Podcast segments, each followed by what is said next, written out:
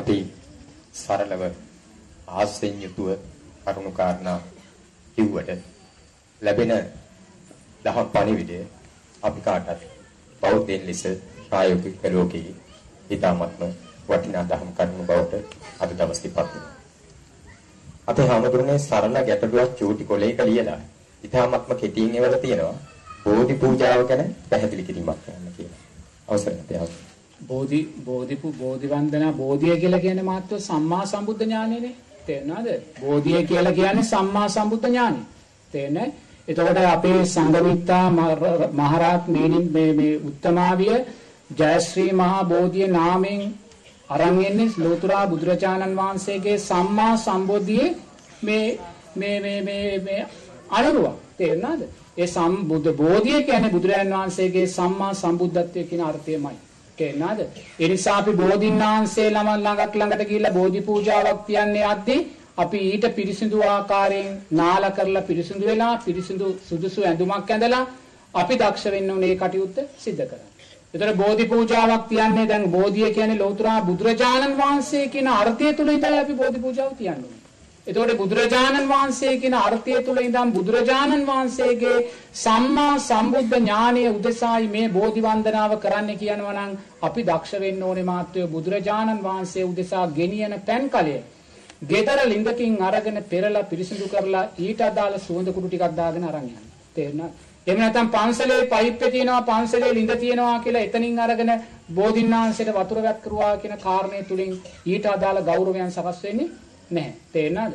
බෝධි පූජාව තියන්නේ අද්දිම අපි දක්ෂ වෙන්න ඕනේ ඊට සුදුසු කලයක් ලෑස්ති කරගෙන පිරිසිදු කරලා පෑන් එකක් පෙරලා ඊට අවශ්‍ය සුවඳ කුඩු ටිකක් දාලා ඒ ඒ ගෞරවයෙන් යුතුව අපි බෝධිනාංශය ළඟට යනවා.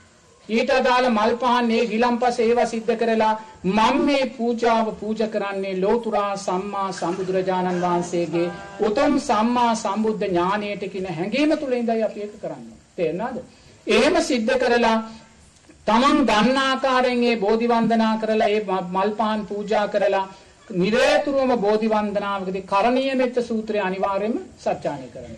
දෙවියන් සතුටු කරන්න බෝධියට අධිග්‍රහිත දෙවිවරුනේ දෙවියන් සතුටු කරන්න අනිවාර්යයෙන්ම කරණීය මෙත්ත සූත්‍රයේ සත්‍යයන් සත්‍යායනය කරලා දෙවියන්ට ඥාතීන්ට පින් දෙන්න. තේරෙනවද? පින් දීලා ඔබ ඔබේ හිතෙන් චේතනාවක් සකස් කරගන්න මගේ ජීවිතයට අතීත අකුසල් සංස්කාර නිසා සකස් වෙන රෝගීභාවයක් තියෙනවා නම් වෙන යම් ප්‍රශ්නයක් තියෙනවා නම් මේ කරගත්තා වූ කුසල් ශක්තියෙන් මේ අතීත අකුසල් සංස්කාරයන් යටපත් වෙලා නිදුක් නිරෝගී ඔබ බලාපොරොත්තු වෙන දේ ඉටු කරන්න කියලා. තේරෙනවද?